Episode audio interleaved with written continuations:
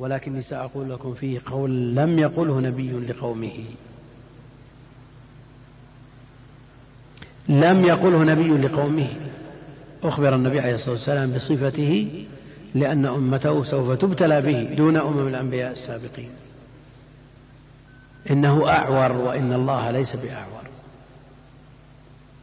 الأعور هو الذي لا يرى إلا بعين واحد وسيأتي ما جاء في وصف عينيه. قال حدثنا يحيى بن عبد الله بن بكير المخزومي قال حدثنا الليث عن عقيل بن خالد عن ابن شهاب عن سالم بن عبد الله بن عمر أن رسول الله صلى الله عليه وسلم قال بين أنا نائم رأيتني يعني في النوم أطوف بالكعبة فإذا رجل آدم أسمر سبط الشعر مسترسل الشعر غير جعد ينطف أو يهراق ينطف يعني يقطر. رأسه ماء. قلت من هذا؟ قالوا هذا عيسى بن مريم عليه السلام. رآه النبي عليه الصلاة والسلام يطوف بالبيت. ثم ذهبت ألتفت فإذا رجل جسيم أحمر اللون جاعد شعر الرأس أعور العين كأن عينه عنبة طافية. بارزة. عنبة طافية يعني بارزة. وهي غير الممسوحة. التي لا ترى. العين اليمنى ممسوحة. هو أعور عين اليمنى. وهذه بارزة. تتقد. وفي هذا التصوير من القبح ما فيه. كأنها عنبة طافية. قالوا هذا الدجال أقرب الناس به شبها ابن قطن. عبد العزى ابن قطن ابن عمرو هلك في الجاهلية. رجل من خزاعة. رجل من خزاعة. وهذا لأنه رجل كافر يشبه به كافر. ولا قد يقول قائل من مثل هذا؟ لو رأيت رجل من المسلمين عين بارزة وعين لا يرى فيها هل تقول أن هذا مثل الدجال؟ تشبه رجل مسلم بكافر وتكون بذلك قد عبته بخلقته التي لا يد له فيها لكن كافر بكافر لا بأس. من باب التشبيه والتقريب هو يشبهه من كل وجه. هذا كافر وهذا كافر. النبي عليه الصلاة والسلام رأى عيسى يطوف. ورأى أيضا رجلا جسيما أحمر جعد الرأس. ومعلوم أن رؤيا الأنبياء حق. وقد حرم على الدجال أن يدخل مكة والمدينة. فكيف رآه في الرؤيا بمكة؟ يقول ابن حجر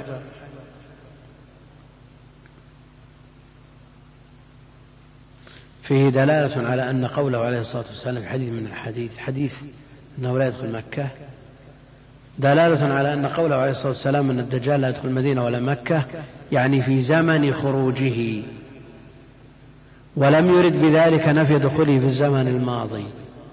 يعني لا يدخل مكة والمدينة إذا خرج في آخر الزمن وأما قبل ذلك فلا مانع. بدليل أن النبي عليه الصلاة والسلام رآه في المنام ورؤيا الأنبياء حق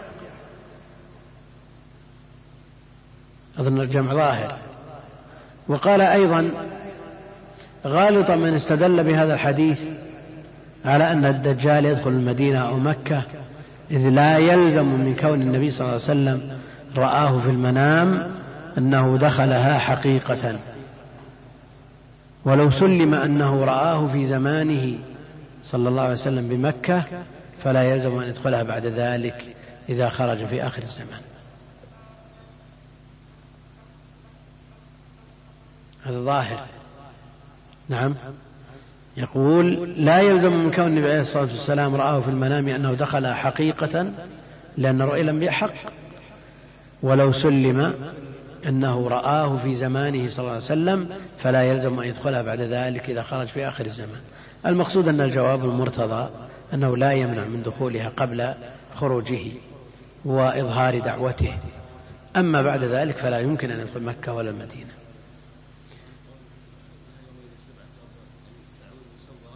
تسوى كلها سبعة في آخر الزمان نعم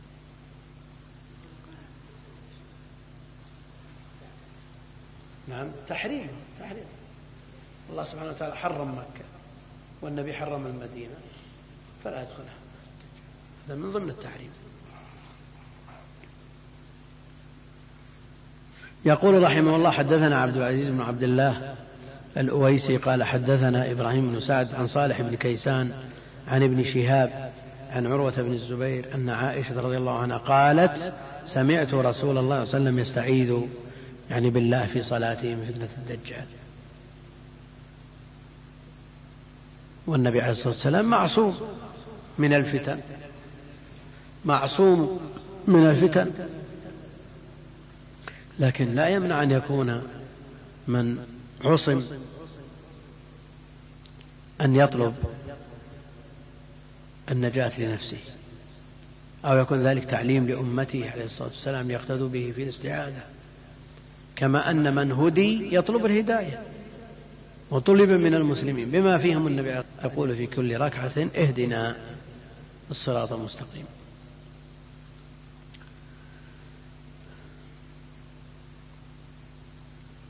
حديث اليوم أكثرها تقدم يا أخوان ولكن ترون نشوف نجمل الشرح يعني. يعني ما نفصل لأنه مضى أكثرها يقول رحمه الله حدثنا عبدان عبد الله بن عثمان بن جبل العتكي قال أخبرني أبي عثمان عن شعبة بن الحجاج عن, عبد الملك بن عمير الكوفي عن ربعي بن حراش عن حذيفة بن اليمان عن النبي صلى الله عليه وسلم قال في الدجال يعني في شأن الدجال إن معه ماء ونارا إن معه ماء ونارا فناره التي يراها الرائي فناره التي يراها الرائي ماء بارد. وماؤه الذي يراه الرائي نار. يعني يخيل للناس أن هذه نار وهذا ماء والحقيقة عكس ذلك. وهذا لعله من تمويهه ودجله. وهو ابتلاء من الله عز وجل. ابتلاء وامتحان من الله عز وجل. قال أبو مسعود عقبة بن عمرو البدري تصديقا لحذيفة أنا سمعته من رسول الله صلى الله عليه وسلم أنا سمعته من رسول الله صلى الله عليه وسلم في بعض الروايات ابن مسعود لكن الراجح أنه أبو مسعود قال سليمان بن حرب. قال رحمه الله حدثنا سليمان بن حرب الواشحي قال حدثنا شعبة بن حجاج عن قتادة بن دعامة عن أنس رضي الله عنه قال قال النبي عليه الصلاة والسلام ما بعث نبي إلا أنذر أمته الأعور الكذاب. ألا حرف تنبيه إنه أعور وإن ربكم ليس بأعور. وإن بين عينيه مكتوب كافر. بالحروف العربية كاف فاء راء كافر يقرأه كل مؤمن قارئ أو غير قارئ. حتى الأمي الذي لا يقرأ ولا يكتب يقرأ هذه.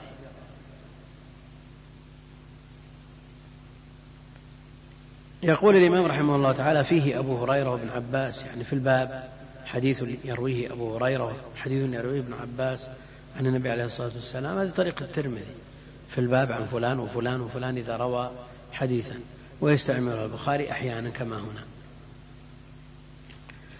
فيه أبو هريرة وابن عباس عن النبي صلى الله عليه وسلم. تقدم حديث أبي هريرة في ترجمة نوح من أحاديث الأنبياء. تقدم حديث ابن عباس في صفة موسى عليه السلام. مثل هذا.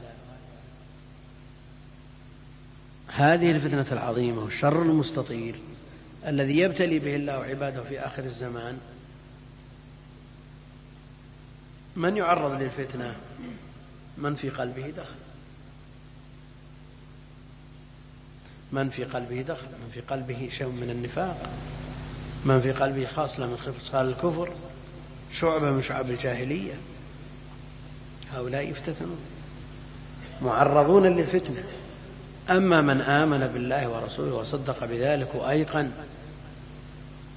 مثل هذا لا يفتتن بالدجال لأن الدجال فيه العلامات الواضحة الظاهرة. بينه النبي عليه الصلاة والسلام بأجلى بيان. وكتب بين عينيه كافر.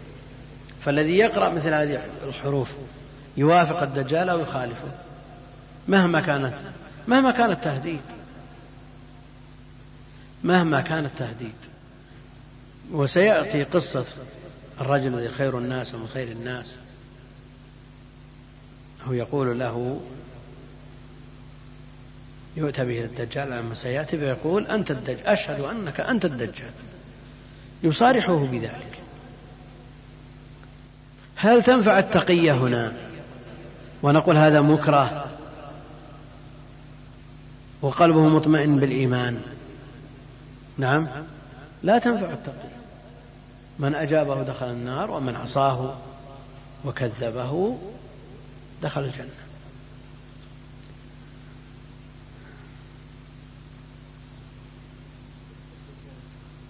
شو؟ نعم. إي نعم. الدجال هو الذي عليه العلامات الظاهرة. الذي عليه. أما أما من عداه إذا كان الإنسان قلبه مطمئن بالإيمان وخشي على نفسه إلا من أكره وقلبه بالإيمان. وإن ارتكب العزيمة وكذبه وتحمل ما يترتب على العزيمة كان أفضل. فأفضل الجهاد أو أفضل الشهداء من هو؟ حمزة وأيضا. نعم. من أنكر على إمام ظالم غاشم. فقتله. كلمة حق عند سلطان جائر. هذه عزيمة. لكن هل يلزم الناس كلهم بهذه العزيمة؟ من ارتكب العزيمة ثوابه أعظم؟ من ترخص برخصة الله فهو معذور. ترخص كبار من الأئمة. وصبر وثبت الإمام أحمد بن حنبل. فنال الإمامة إلى قيام الساعة. والله المستعان. يقول باب لا يدخل الدجال المدينة عن النبوية. قال حدثنا أبو اليمان والحكم بن نافع قال أخبرنا شعيب هو ابن أبي حمزة عن الزهري أخبرني عبيد الله بن عبد الله بن عتبة بن مسعود أن أبا سعيد سعد بن مالك الخدري قال حدثنا رسول الله صلى الله عليه وسلم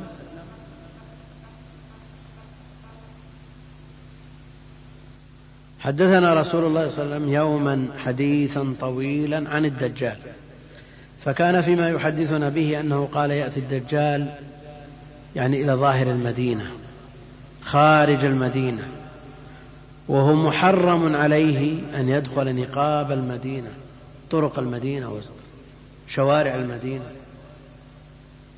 وهو محرم عليه أن يدخل نقاب المدينة فينزل بعض السباخ التي تلي المدينة والمراد بالأرض السبخة التي لا تنبت. فينزل بعض السباخ التي تلي المدينة من قبل الشام فيخرج إليه من المدينة يومئذ رجل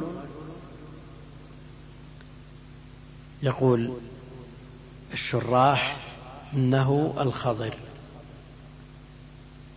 وهو في صحيح مسلم لكنه من قول أبي إسحاق إبراهيم بن محمد بن سفيان راوي الصحيح. راوي الصحيح. قال قيل هو الخضر. كذا نسبه القرطبي إلى أبي إسحاق السبيعي وبه قال ابن العربي ولعل القرطبي وهم في نسبته إلى أبي إسحاق وإنما المراد به أبو إسحاق إبراهيم بن محمد بن سفيان. راوي الصحيح. وبذلك قال ابن العربي يقول إنه الخضر. وهو خير الناس أو من خيار الناس فيقول إلى آخره. الخضر يختلف الناس في وفاته وفي بقائه. فكثير من أهل العلم يرون أنه موجود وأنه معمر من زمن موسى عليه السلام إلى آخر الزمان حتى يأتي الدجال. ويمثل بين يديه ويقول له ما يقول.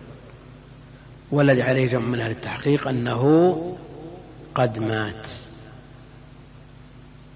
شيخ الإسلام رحمه الله له رسالتان في الباب إحداهما على جادة من يثبت حياته والأخرى على القول الآخر وهو الصواب أنه قد مات. ما من نفس منفوسة. اليوم يأتي عليها مئة عام بما في ذلك الخطر وكثير من أهل الخرافة والبدع يقولون بهذا القول ويزعمون أنهم يجتمعون به ويرونه ويستفيدون منه. ولو وجد لما وسعه الخروج عن شريعة محمد عليه الصلاة والسلام. ولما كان عندهم من العلم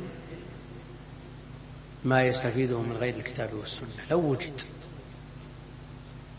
ولذا من النواقض أن يزعم الإنسان أنه يسعه الخروج عن شريعة محمد عليه الصلاة والسلام كما وسع الخضر الخروج عن شريعة موسى.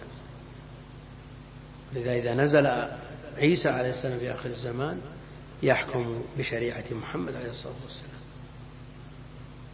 وعلى كل حال هذا قول وهو قول الجمع من أهل العلم لكن الصواب أنه كغيره قد مات.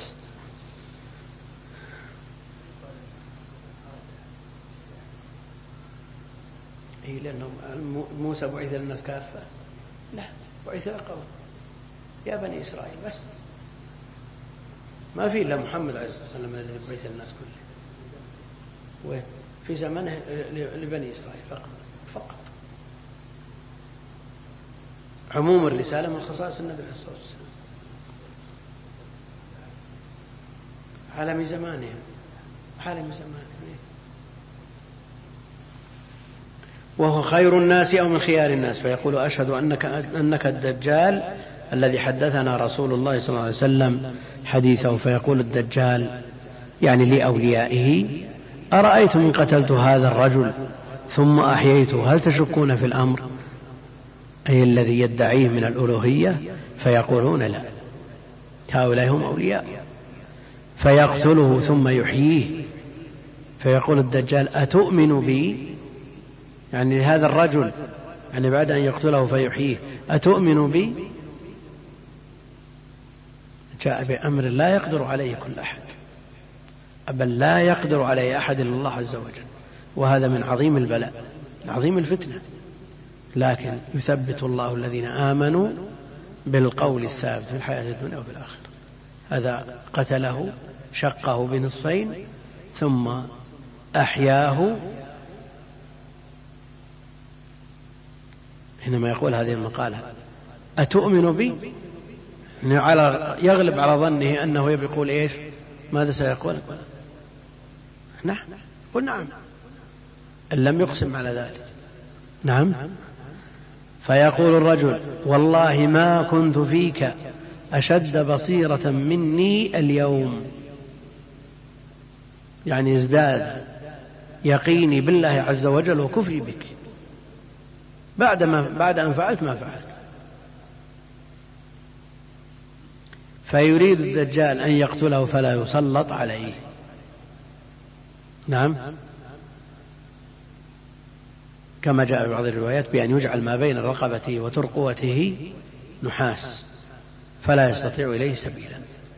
المقصود أنه لن يسلط عليه. ثم قال حدثنا عبد الله بن مسلمة يعني القعنبي عن مالك بن أنس إمام دار الهجرة نجم السنن عن نعيم بن عبد الله المجمر عن أبي هريرة قال قال رسول الله صلى الله عليه وسلم على أنقاب المدينة النبوية جمع وهو الطريق. ملائكة يحرسونها. لا يدخلها الطاعون ولا الدجال. لا يدخلها الطاعون ولا الدجال. فالطاعون من بسبب الدعوة النبوية اللهم انقل عنها الحمى. حماها نعم. فالطاعون أشد فهو من خصائص المدينة أنه لا يدخلها الطاعون. ولا الدجال ومكة مثلها. قال حدثني يحيى بن موسى بن عبد ربه المعروف بخت. قال حدثنا يزيد بن هارون السلمي قال أخبرنا شعبة هو ابن الحجاج عن قتادة بن دعامة عن أنس بن مالك عن النبي صلى الله عليه وسلم قال المدينة يأتيها الدجال ليدخلها فيجد الملائكة على أنقابها يحرسونها فلا يقربها الدجال ولا الطاعون إن شاء الله عز وجل. يقول ما القول الثابت في الحياة الدنيا والآخرة؟ ثبت الله الذين آمنوا بالقول الثابت. يعني يحيى على لا إله إلا الله بجميع ما تطلبه ويموت على لا إله إلا الله.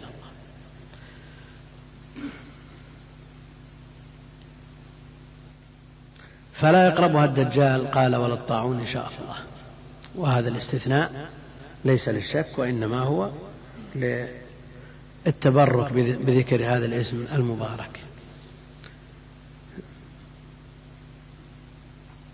والحديث مر مرارا. ثم قال باب يأجوج ومأجوج. مشتقان من أجيج النار أي ضوئها. وزنهما يفعول ومفعول ممنوعان من الصرف للعلمية والتأنيث اسما قبيلتين. وهما من نسل آدم من ولد يافث ابن نوح. يقول الحافظ ابن كثير روى ابن أبي حاتم أحاديث غريبة في أشكالهم وصفاتهم وطولهم وقصر بعضهم. وآذانهم لا تصح أسانيدها. لا تصح أسانيدها. يأجوج ومأجوج بغير همز. ياجوج وماجوج قرأه السبعة إلا عاصما بدون همز. قراءة عاصم كما معروف بالهمز. قال حدثنا أبو اليمان وهو الحكم بن نافع قال أخبرنا شعيب بن أبي حمزة عن الزهري حاء حاء التحويل من إسناد إلى آخر للاختصار. وحدثنا إسماعيل بن أبي أويس تقدم لنا مرارا أن البخاري يأتي بهذه الحاء حاء التحويل بعد ذكر النبي عليه الصلاة والسلام وحينئذ لا تفيد الاختصار وإنما هي تقوم مقام الحديث اختصار الحديث كما يقول المغاربة. وحدثنا إسماعيل بن أبي ويس قال حدثني أخي عبد الحميد عن سليمان بن بلال عن محمد بن عبد الله ابن أبي عتيق عن ابن شهاب عن عروة بن الزبير أن زينب ابنة أبي سلمة حدثته عن أم حبيبة رملة بنت أبي سفيان صخر بن حرب عن زينب بنت جحش أم المؤمنين. حديث تقدم بأعلى من هذا الإسناد. تقدم سباعي. وهنا كم؟ إسماعيل أخوه سليمان محمد بن أبي عتيق ابن شهاب عروة زينب بنت أبي سلمة أم حبيبة زينب بنت جحش. نعم هذا تساعي. وهو أنزل حديث في الصحيح على الإطلاق. أنزل حديث في الصحيح. تساعي ولا يوجد غيره. ما يوجد إلا هذا الحديث تساعي. وين؟ يعني في حكم ما ينفع حكم أنا نريد حقيقته يعني ما يضيره أن يكون من التابعين ستة من التابعين بعضهم من بعض. المقصود أنه تساعي فهو نازل نازل جدا. يعني يوافقه الحافظ العراقي بعده بسبعمائة سنة.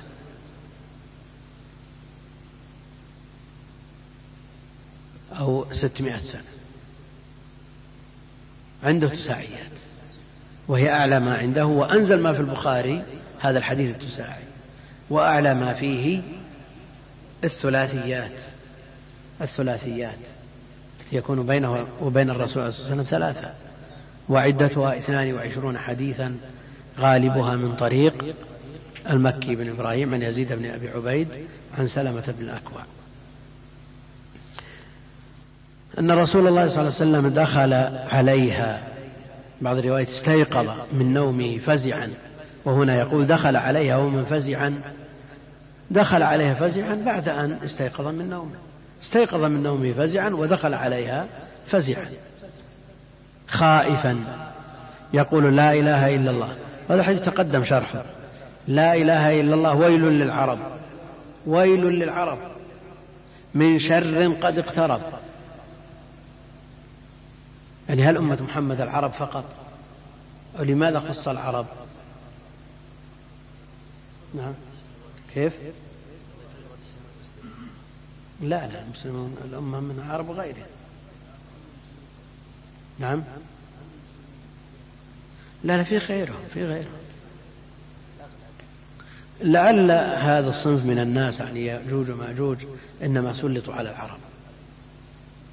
إنما سلطوا على العرب فقط فتنة لهم.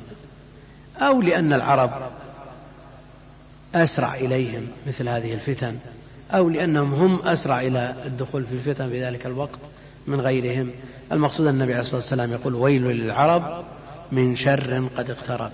فتح اليوم من ردم يأجوج ومأجوج الذي بناه ذو القرنين بزبر الحديد وجمع جمع زبرة وهي القطعة.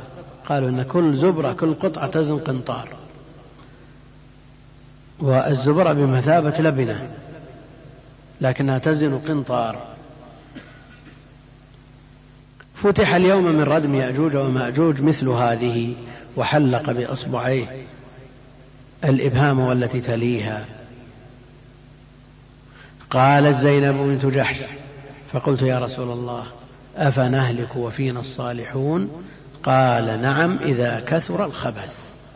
وهذا هو الأمر المخيف. هذا هو الأمر المخيف. ذكرنا مرارا أن الخير موجود في أمة محمد وأن هناك طائفة منصورة قائمة بالحق إلى قيام الساعة. وفي أمة محمد من خيار الناس في هذا الزمان وقبله وبعده من فيها. فيها العلماء فيها الدعاة فيها العباد فيها طلاب العلم فيها المحسنون فيها المنفقون فيها المجاهدون.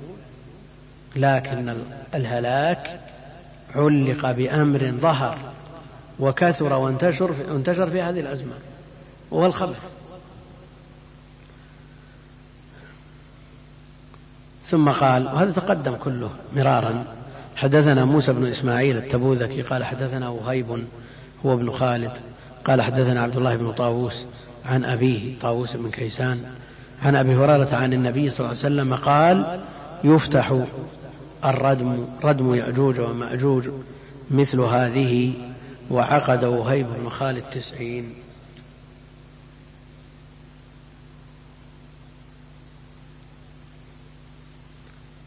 قال يفتح الردم ردم يأجوج ومأجوج مثل هذه. وعقد وهيب تسعين. مثل هذه. مثل هذه. بأن جعل طرف الإبهام بين إيش؟ عقدتي السبابة من باطنها وطرف السبابة عليها. كيف؟ ها؟ سداد. هكذا. لا بس يقول مثل ناقد الدينار. ناقد الدينار وش يسوي؟ هكذا. يضربه بطرف السبابة ليرى تقدم شرح التسعين والمئة. هنا يقول عقد سفيان تسعين. تسعين بأن, جاء بأن جعل طرف إصبعه السبابة اليمنى في أصلها وضمها ضما محكما بحيث انعقدت وانطوت انطوت عقدتاها حتى صارت كالحية المطوية. هكذا. والمئة كالتسعين لكن بالخنصر لكنها بخنصر اليسرى. وهذا تقدم ولا ولا حساب غير مستعمل كانوا يستعملونه قبل أن يعرفوا الحساب. نعم. قبل أن يعرفوا الحساب. وبهذا تكون حادث الفتن من هذا الكتاب العظيم الصحيح. انتهت. والله أعلم. وصلى الله وسلم وبارك على عبده ورسوله نبينا محمد وعلى آله وصحبه أجمعين. يقول ما الضابط في تنزيل أحاديث الفتن في الواقع؟ فقد سمعنا في الأحداث الأخيرة من خاض فتن آخر الزمان وربطها بالأحداث المعاصرة فما توجيهكم؟ يقول هذا تسرع. تسرع.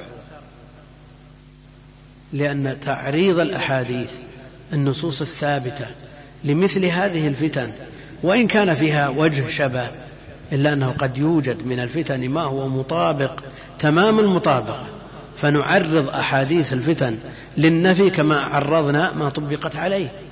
نظير من ينزل آه، الأحاديث والآيات على النظريات. ينزلون على نظريات علمية. فإذا كذبت هذه النظرية ماذا يكون مصير الخبر الذي نزل عليها؟ يصير عرضة للتكذيب. وهنا إذا نزلنا أحاديث الفتن على ما وقع ولو من وجه نعم ولو شابهه من وجه نكون بذلك إذا وقع ما يشبهها من كل وجه بحيث لا محيد من تنزيلها عليها نكون بذلك عرضنا الأحاديث على للنفي وبذلك نكون قد قلنا على الله بغير علم. نقول إن هذا مراد النبي عليه الصلاة والسلام من هذا الحديث فنكون بذلك قد افترينا على الله الكذب وعلى رسوله عليه الصلاة والسلام. والله أعلم وصلى الله وسلم وبارك على عبده ورسوله. انتهى شرح كتاب الفتن من صحيح الإمام البخاري رحمه الله تعالى. نسأله تعالى أن ينفع المسلمين بهذه الدروس وأن يجزي الشيخ الدكتور عبد الكريم ابن عبد الله الخضير خير الجزاء. وتقبلوا تحيات إخوانكم في تسجيلات الراية الإسلامية بالرياض. والسلام عليكم ورحمة الله وبركاته.